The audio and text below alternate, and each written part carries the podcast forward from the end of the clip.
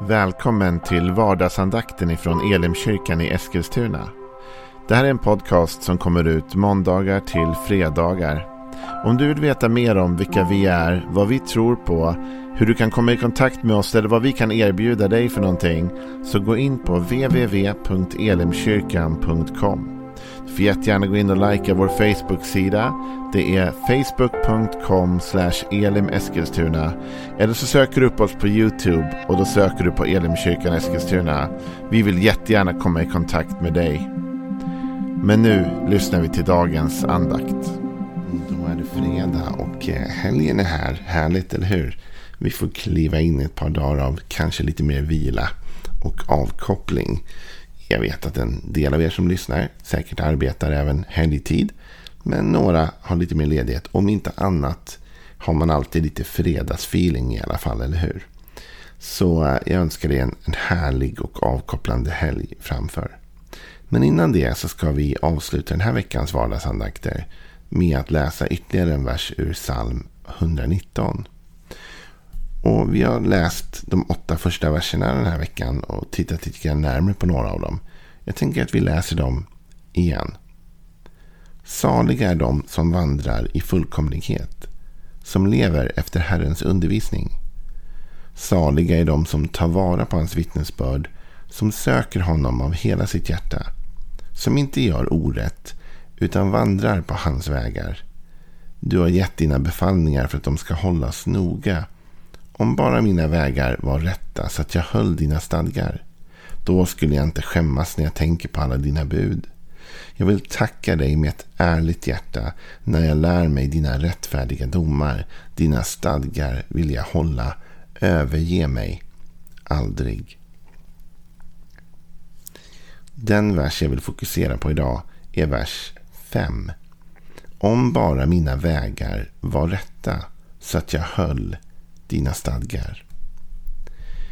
Jag har redan uttryckt den här veckan flera gånger att när man läser de här första verserna så kan man antingen bli stressad därför det används ord som fullkomlighet. Det handlar om de som tar vara på vittnesbördet. Det handlar om de som gör rätt och inte orätt.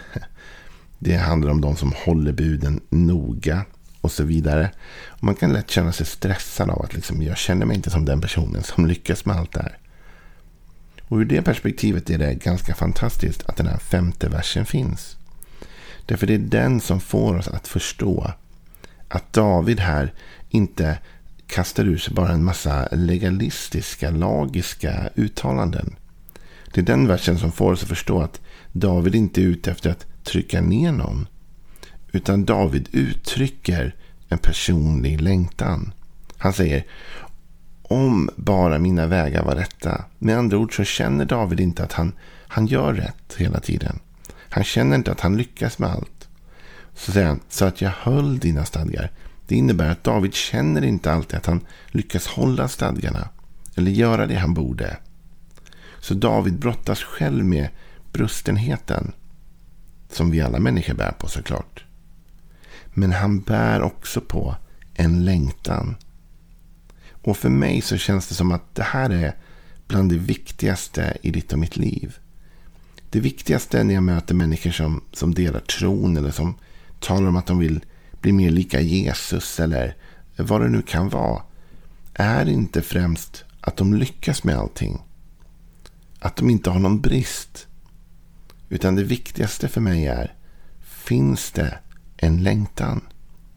Om längtan finns, då tror jag också att vi kommer i slutändan att fatta de beslut vi behöver och göra de uppoffringar vi kanske behöver för att komma dit vi ska. Men viljan måste finnas. Viljan är mycket viktigare än mycket av det andra. Så att vill vi, har vi en längtan, strävar vi efter att ta vara på ordet, att bli mer fullkomlig, att göra rätt, allt detta. Att åtminstone ha det som strävan och att våga ifrågasätta vårt eget hjärta ibland och tänka så här, okej, okay, vill jag ens? Strävar jag ens efter att göra det som är rätt här? Strävar jag ens efter fullkomlighet? Försöker jag ens? Har jag ens en, och det här gäller ju hela vårt liv, eller hur? Har jag ens en ambition att få ordning på min ekonomi? Har jag ens en längtan att reda ut mitt äktenskap eller mina relationer? Försöker jag ens ta tag i min hälsa eller vad det kan vara? Alltså finns det överhuvudtaget en vilja? Den frågan behöver vi ibland utröna. För att om det inte finns en vilja, då måste vi börja där. Därför att det är hopplöst att försöka förändra ett beteende om det inte finns en vilja till förändring. David säger om bara mina vägar var rätta så att jag höll dina stadgar. När man läser Bibeln finner man också ibland en, en eh, inte dubbelhet, men en balans. När man läser Bibeln behöver man få in den här balansen. Jag vet att jag tidigare har talat om att i första versen så säger David att den som vandrar i fullkomlighet, det är den som lever efter Herrens undervisning. Så att om vi lever efter Herrens undervisning, då kommer vi också att vandra rätt och få ihop ett helt liv. Men här lyfter David in en annan aspekt i samband med detta. Att ha en vilja och en längtan att göra det som är rätt. Och det är då balansen kommer. Därför det är å ena sidan rätt att om vi håller Guds ord så kommer det andra att landa rätt. Men här säger David också att om hans vägar är rätt så kommer han att hålla ordet. Han säger om bara mina vägar var rätta så att jag höll dina stadgar. Så David säger, när jag vandrar på ett felaktigt sätt får jag svårare att hålla stadgarna. Man kan tänka sig så här, när jag sätter mig i vissa miljöer eller platser så är det svårare för mig, Gud, att göra det jag vill göra. Jag utsätter mig för kanske onödiga prövningar. Och vi ska snart läsa ur Efesebrevet lite grann om det. Men man kan tänka det på ett enklare sätt. Om du tänker så här, jag har en vilja att gå ner i vikt. Det är många som nu inför nyår sätter det som ett löfte. Då. Jag har en längtan att jag vill gå ner i vikt och bli hälsosammare. Då kan man tänka så här, ja men om du, om du varje dag går in på ett bageri eller konditori så kommer det bli ett mer svåruppfyllt mål. I alla fall för mig. Om jag bestämmer mig för att jag ska gå ner i vikt men samtidigt varje dag när jag går förbi ett, ett liksom konditori går in på det konditoriet. Då vet jag att där inne kommer det finnas så mycket frestelse. Det kommer vara jättesvårt för mig att hålla mig till det jag egentligen vill. Utan det kommer säkert sluta med att jag köper någonting där inne. Var eller varannan dag åtminstone. Så ibland när mina vägar är dumma. Jag vandrar på platser jag inte borde vandra på. Så blir det svårare för mig. Och det kan faktiskt vara så ibland. Att det finns miljöer som du och jag måste avhålla oss ifrån. Om vi vill vandra efter Guds stadgar. Det behöver inte ens vara att de miljöerna är fel. Eller syndiga. Eller dumma. Det kan bara vara att de miljöerna är ändå ett hinder för mig på den väg jag egentligen vill. Jag menar, det är ju inget fel att gå in på ett konditori eller bageri och köpa någonting där. Men det blir ett problem om din längtan, din vilja är först och främst att du ska gå ner i vikt. Ja, då kan det vara ett problem och bli en utmaning för oss att vandra in på de områdena. Och Efesierbrevet 5 tar faktiskt upp en del av detta tycker jag. Efesierbrevet 5 och vers 15 säger Tänk alltså noga på hur ni lever. Inte som ovisa människor, utan som visa. Ta väl vara på varje tillfälle, för dagarna är onda. Var därför inte oförnuftiga, utan förstå vad som är Herrens vilja. Berusa er inte med vin, det leder till vårdslöshet. Låt er istället uppfyllas av anden.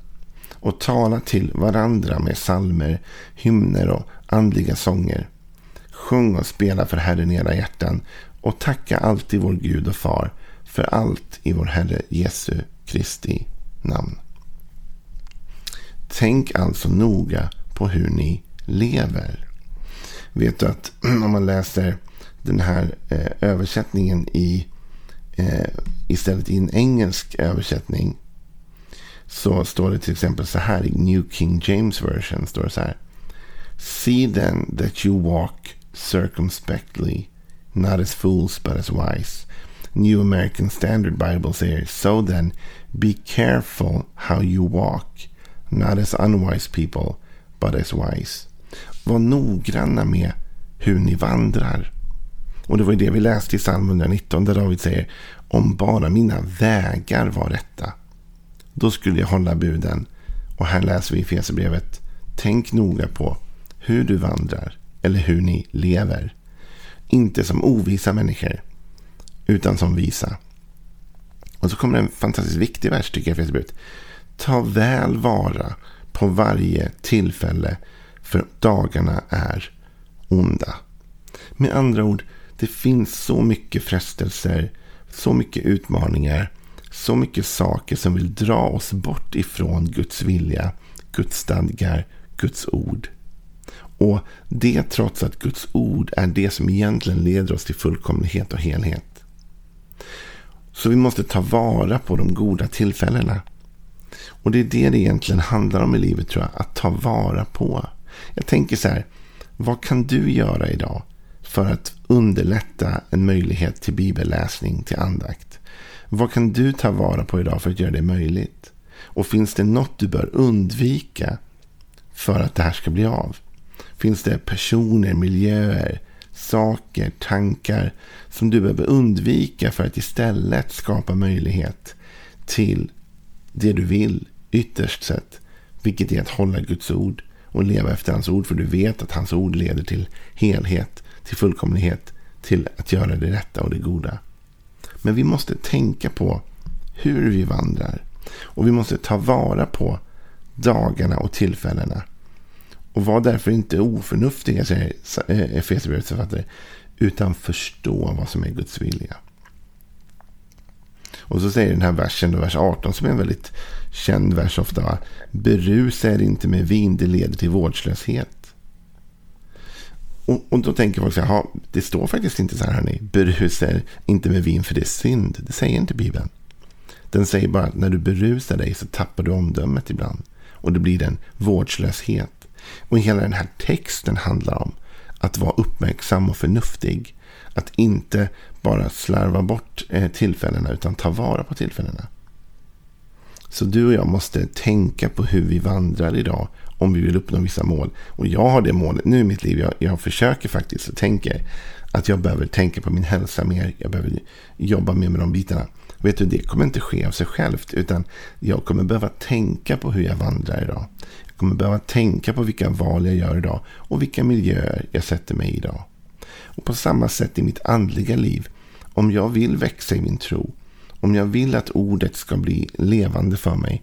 Om jag vill hålla mig till Guds ud, bud och stadgar.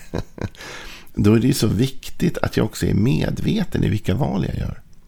Att jag säger okej, okay, det här blir val jag vill göra idag. Det här vill jag fokusera på idag. Det här märker jag är bra för mig. Och då kommer vi till det Efesierbrevets författare också säger som är väldigt viktigt. Att vi hjälper varandra. Låt er för det första istället uppfyllas av anden. Så vi har den heliga ande till vår hjälp i detta. Och så står det. Och tala till varandra. Med psalmer, hymner och andesång. Tala till varandra. Med andra ord, hjälp varandra på den här resan. Jag tror att det finns en anledning till att folk som vill komma i form att ha en, en, en coach, en PT. Någon som hjälper dem med det. Eller har någon annan typ av coach. Jag fick faktiskt det epitetet. Jag tyckte att det var otroligt eh, smickrande på något sätt. Jag pratade med en god vän till mig som har ringt mig lite grann. Och, och, jag ska inte gå in på de detaljerna men jag har fått hjälpa och stötta lite. Och då hörde jag att han berättade så här. Att han i ett samtal med någon annan hade sagt att han hade en andlig coach. Och jag tyckte det var otroligt fint att få vara en andlig coach. Att få hjälpa varandra, coacha varandra i fråga om de andliga tingen. Och tänka att vi kan tala till varandra. Och det behöver inte vara jag. Du kanske har någon i din närhet. Du kanske har en mamma, pappa, en mormor, en morfar. Du kanske har en vän, du kanske har någon du känner. Som kan guida dig, som kan tala till dig. Och som kan hjälpa dig att uppnå det du vill. Att vandra på de vägar du vill vandra på. För ibland så är viljan i krock med köttets längtan och begär. Och jag menar, jag vill ju inte tänka på vad jag äter. Jag vill ju helst bara äta onyttigt. På samma sätt kan det ibland vara andligt. Att jag vill inte, alltså köttet säger du borde göra det här, det är mycket roligare. Men jag vet innerst inne att min längtan är att komma närmare Gud och då måste jag fatta vissa andra beslut. Så vad var det jag ville säga idag? Jag ville säga nummer ett, längtan är det viktigaste. Men också att om vi väljer rätt vägar i livet och är lite förnuftiga med hur vi lever vårt liv så kommer det vara lättare eller svårare för oss att hålla oss till ordet. Så sätt inte dig själv i dumma situationer och skapa goda rutiner istället med hjälp av andra människor som håller bibelläsningen igång, som håller ordet igång och som hjälper dig att hålla dig på banan, att inte vandra på dåliga vägar utan istället tänka på hur jag lever. Det var lite tankar som jag avrundar den här veckan med. Jag tror att det viktigaste den här veckan har varit att ta med sig från psalm 119 att det är en längtan, en ambition, en dröm som David har att hålla sig till ordet. Och jag hoppas att du och jag, att vi kan bli inspirerade av samma dröm och samma vision som David bar på. Koppla av nu lite grann, ha en fantastisk helg så hörs vi på måndag igen. Hej då.